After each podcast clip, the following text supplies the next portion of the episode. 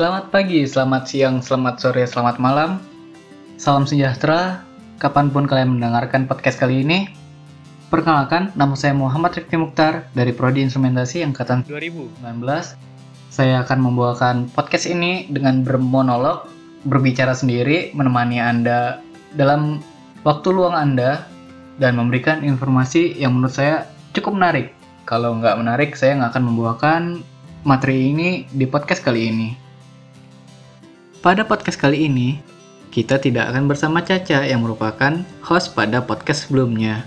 Dan mungkin saya akan terus menemani pendengar sekalian dengan bermonolog ria sendirian selama masa pandemi dan saat pembatasan sosial berskala besar ini. Karena sulitnya bertemu dengan lawan bicara, apalagi bertemu dengan dia yang tak kunjung datang. Sesuai judulnya, Arduino, teman instrumentasi yang berani. Pembahasan yang akan dibahas pada podcast kali ini tidak akan jauh-jauh dari Arduino. Di antaranya, apa itu Arduino, mungkin fungsinya, keunggulannya, atau semacamnya mengenai Arduino, sejarah mengenai Arduino, di mana dia dilahirkan, siapa yang menciptakannya, dan tujuan awalnya, hubungannya dengan instrumentasi sesuai judulnya teman instrumentasi. Kenapa saya menyebutnya sebagai teman instrumentasi? Uh, terakhir, contoh-contoh project Arduino yang dapat diciptakan oleh pelajar seperti kita ini. Untuk memastikan semua orang yang mendengarkan podcast ini paham dengan apa yang mereka dengarkan, saya akan menjelaskan apa itu Arduino. Arduino adalah sebuah papan rangkaian elektronik yang bersifat sumber terbuka atau open source dalam bahasa Inggrisnya.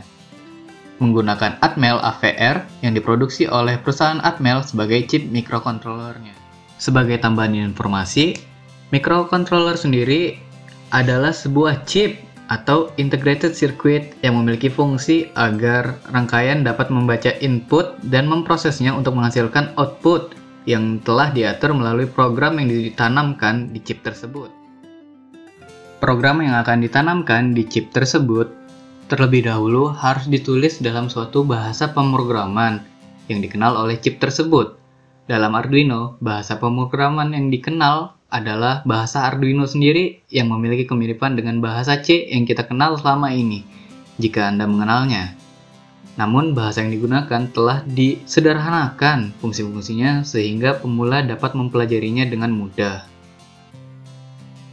Lompat ke bagian sejarah, karena dalam sejarah singkat yang akan dibacakan terdapat keunggulan dan tujuan awal Arduino dilahirkan. Arduino berawal dari sebuah tesis yang dibuat oleh Hernando Barragan di Institut Ivrea, Italia pada tahun 2005. Selanjutnya dikembangkan oleh Massimo Banzi dan David Quartiles dan diberi nama Arduino of Ivrea. Nama tersebut diganti menjadi Arduino yang dalam bahasa Italia berarti teman yang berani, sesuai judul podcast kita kali ini. Tujuan awal dibuat Arduino adalah untuk membuat perangkat yang mudah dan murah dibandingkan perangkat yang ada pada saat itu. Dan perangkat tersebut ditujukan untuk para pelajar yang akan membuat desain ataupun prototype. Saat ini, tim pengembangnya adalah Massimo Banzi, David Quartiles, Tom Igo, Gianluca Mortino, David Melis, dan Nicolas Zambetti. Mereka mengupayakan empat hal yang menjadi kelebihan dalam Arduino ini, yaitu harga yang terjangkau, dapat dijalankan di berbagai sistem operasi, di antaranya Windows, Linux, Mac, dan semacamnya, sederhana dengan bahasa pemrograman yang mudah dan bisa dipelajari oleh orang awam, bukan untuk orang teknik saja. Selanjutnya, Arduino bersifat open source, baik hardware maupun softwarenya. Selain kelebihan yang telah di sebutkan tadi, ada beberapa kelebihan yang saya rasakan sebagai penggunanya dalam beberapa waktu. Di antaranya, dalam segi software, Arduino memiliki bootloader yang dapat menangani upload program yang telah ditulis dengan bahasa Arduino dari komputer. Selain penguploadan yang mudah, pemrogramannya juga mudah, dipermudah lagi dengan banyaknya library yang cukup lengkap dan bertebaran di internet. Dalam segi hardware, banyak sekali modul siap pakai atau yang dikenal dengan sebutan Shield tinggal tancap seperti modul GPS, Ethernet, dan banyak lagi. Karena salah satu keunggulannya yang bersifat open source, yang berarti semua orang dapat membuat dan merubahnya, maka tidak dapat terelakkan perangkat-perangkat serupa yang lahir berdasarkan Arduino. Di antaranya ada DFR Duino atau FreeDuino. Sedangkan di Indonesia untuk lokal ada Cipaduino yang dibuat oleh SKIR 70. Lalu ada Murmur Duino yang dibuat oleh Robot Unyil. Ada lagi Avi Isa Duino yang salah satu pembuatnya adalah admin kelas robot. Namun, dalam perkembangan resminya, Arduino memiliki beberapa jenis. Uh, ada 12 jenis tepatnya. Di antaranya Arduino Uno, Arduino Due, Arduino Mega, Arduino Leonardo, Arduino Vio, Arduino Lilipad, Arduino Nano, Arduino Mini, Arduino Micro, Arduino Ethernet, Arduino Explora, dan Arduino Robot. Huh, 12 jenis. Kedua jenis tersebut memiliki keunikan dari segi bentuk, segi spesifikasi, dan kelengkapan portnya. Dari keunggulan-keunggulan yang telah dibacakan tadi, di antaranya seperti modul siap pakai, library yang bertebaran di internet, harganya yang relatif murah, relatif ya tergantung orangnya. Hal-hal tersebut sangat membantu anak-anak jurusan fisika instrumentasi karena anak-anak fisika instrumentasi itu belajar mengenai pengukuran dan pengontrolan. Kedua hal tersebut dapat ditangani oleh Arduino dengan modul-modul tentu saja. Karena Arduino sendiri hanya dapat menangani pengontrolan. Pengontrolan tersebut dilakukan dengan memanfaatkan program yang kita upload ke Arduino tersebut sesuai keinginan kita apa yang mau dikontrol oleh Arduino. Sedangkan untuk pengukurannya dapat dibantu dengan modul-modul atau shield dan perangkat-perangkat pengukuran tambahan yang akan disematkan pada Arduino. Jadi, data-data yang telah didapatkan oleh alat-alat pengukuran atau modul-modul tersebut, data tersebut diolah oleh Arduino untuk melakukan sebuah aksi yang akan dilakukan oleh Arduino dengan mengirimkan datanya kepada alat-alat penggerak seperti motor contohnya atau semacamnya. Nah, jadi intinya Arduino itu dapat menangani pengukuran dan pengontrolan seperti apa yang dilakukan anak-anak instrumentasi begitu. Nah, dengan menggunakan Arduino, tentu saja memanfaatkan prinsip instrumentasi yakni pengukuran dan pengontrolan, kita dapat membuat berbagai macam proyek. Salah satunya adalah lampu otomatis, di mana lampu tersebut akan mati saat siang dan hidup saat malam. Hal tersebut dimungkinkan dengan memprogram menggunakan logika jika intensitas cahaya matahari yang diterima oleh sensor cahaya di atas ambang, maka Arduino memutuskan bahwa saat itu adalah siang dan lampu akan mati. Jika intensitas cahaya matahari yang diterima di bawah ambang, maka akan diputuskan bahwa saat itu adalah malam dan lampu akan dihidupkan oleh Arduino. Begitu prinsip pemrograman yang akan di-upload ke Arduino. Hal tersebut telah mencakup pengontrolan dan pengukuran.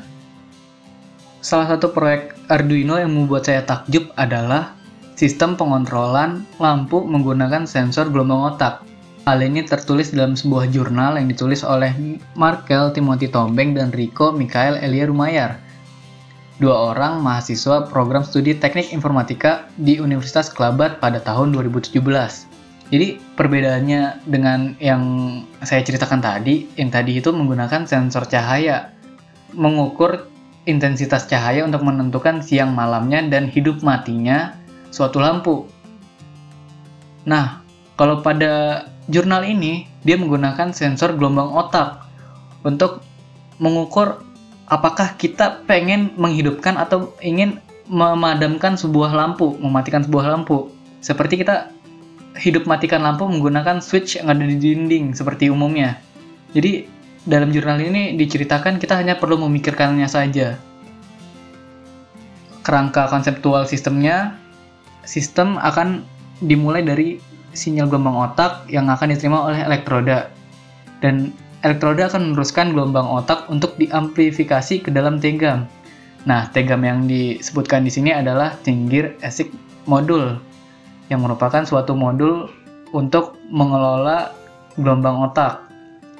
Data gelombang otak yang telah diamplifikasi dan diolah oleh tegam akan dikirim ke microcontroller atau Arduino dan diolah menjadi perintah. Arduino mengirimkan perintah ke relay untuk menghidupkan atau mematikan lampu dan lampu akan hidup ataupun mati seperti kita nyala matikan lampu menggunakan switch. Ini sesuatu yang mungkin sebagian orang nggak akan memikirkannya bahwa itu bisa dilakukan. Hal ini dipermudah karena adanya suatu modul yang bernama T-Game dan microcontroller Arduino. Jadi sakti lah ini microcontroller. Ya bukan Arduino aja banyak microcontroller lain. Tapi karena Arduino yang kita ceritakan maka Arduino yang saya cari proyek-proyeknya. Jadi tadi kita telah mendengarkan penjelasan singkat mengenai apa itu Arduino dan telah diceritakan sejarah singkat mengenai Arduino itu sendiri serta hubungannya dengan instrumentasi kenapa Arduino dapat disebut sebagai temannya anak instrumentasi dan di akhir tadi ada dua contoh proyek Arduino. Yang satu mengontrol lampu menggunakan sensor cahaya, yang satu lagi mengontrol lampu menggunakan sensor gelombang otak. Keduanya memiliki keunggulan dan kelebihannya masing-masing tergantung dengan tujuan dibuatnya proyek tersebut. Yang satu murah dan mudah, yang satu lagi mahal dan susah. Nah, dari kedua perbandingan proyek tersebut dapat kita lihat bahwa Arduino itu dapat digunakan sekreatif mungkin, tergantung kebutuhan kita. Jadi, menurut saya Arduino sesuatu yang ideal untuk kehidupan anak instrumentasi dalam melakukan prototyping suatu rangkaian. Ya, mungkin segitu aja ya podcast kita pada hari ini kritik, masukan, dan saran pembahasan dapat diberikan kepada akun official InviUB. Terima kasih telah mendengarkan hingga habis, hingga sekarang. Dan see ya in the next podcast.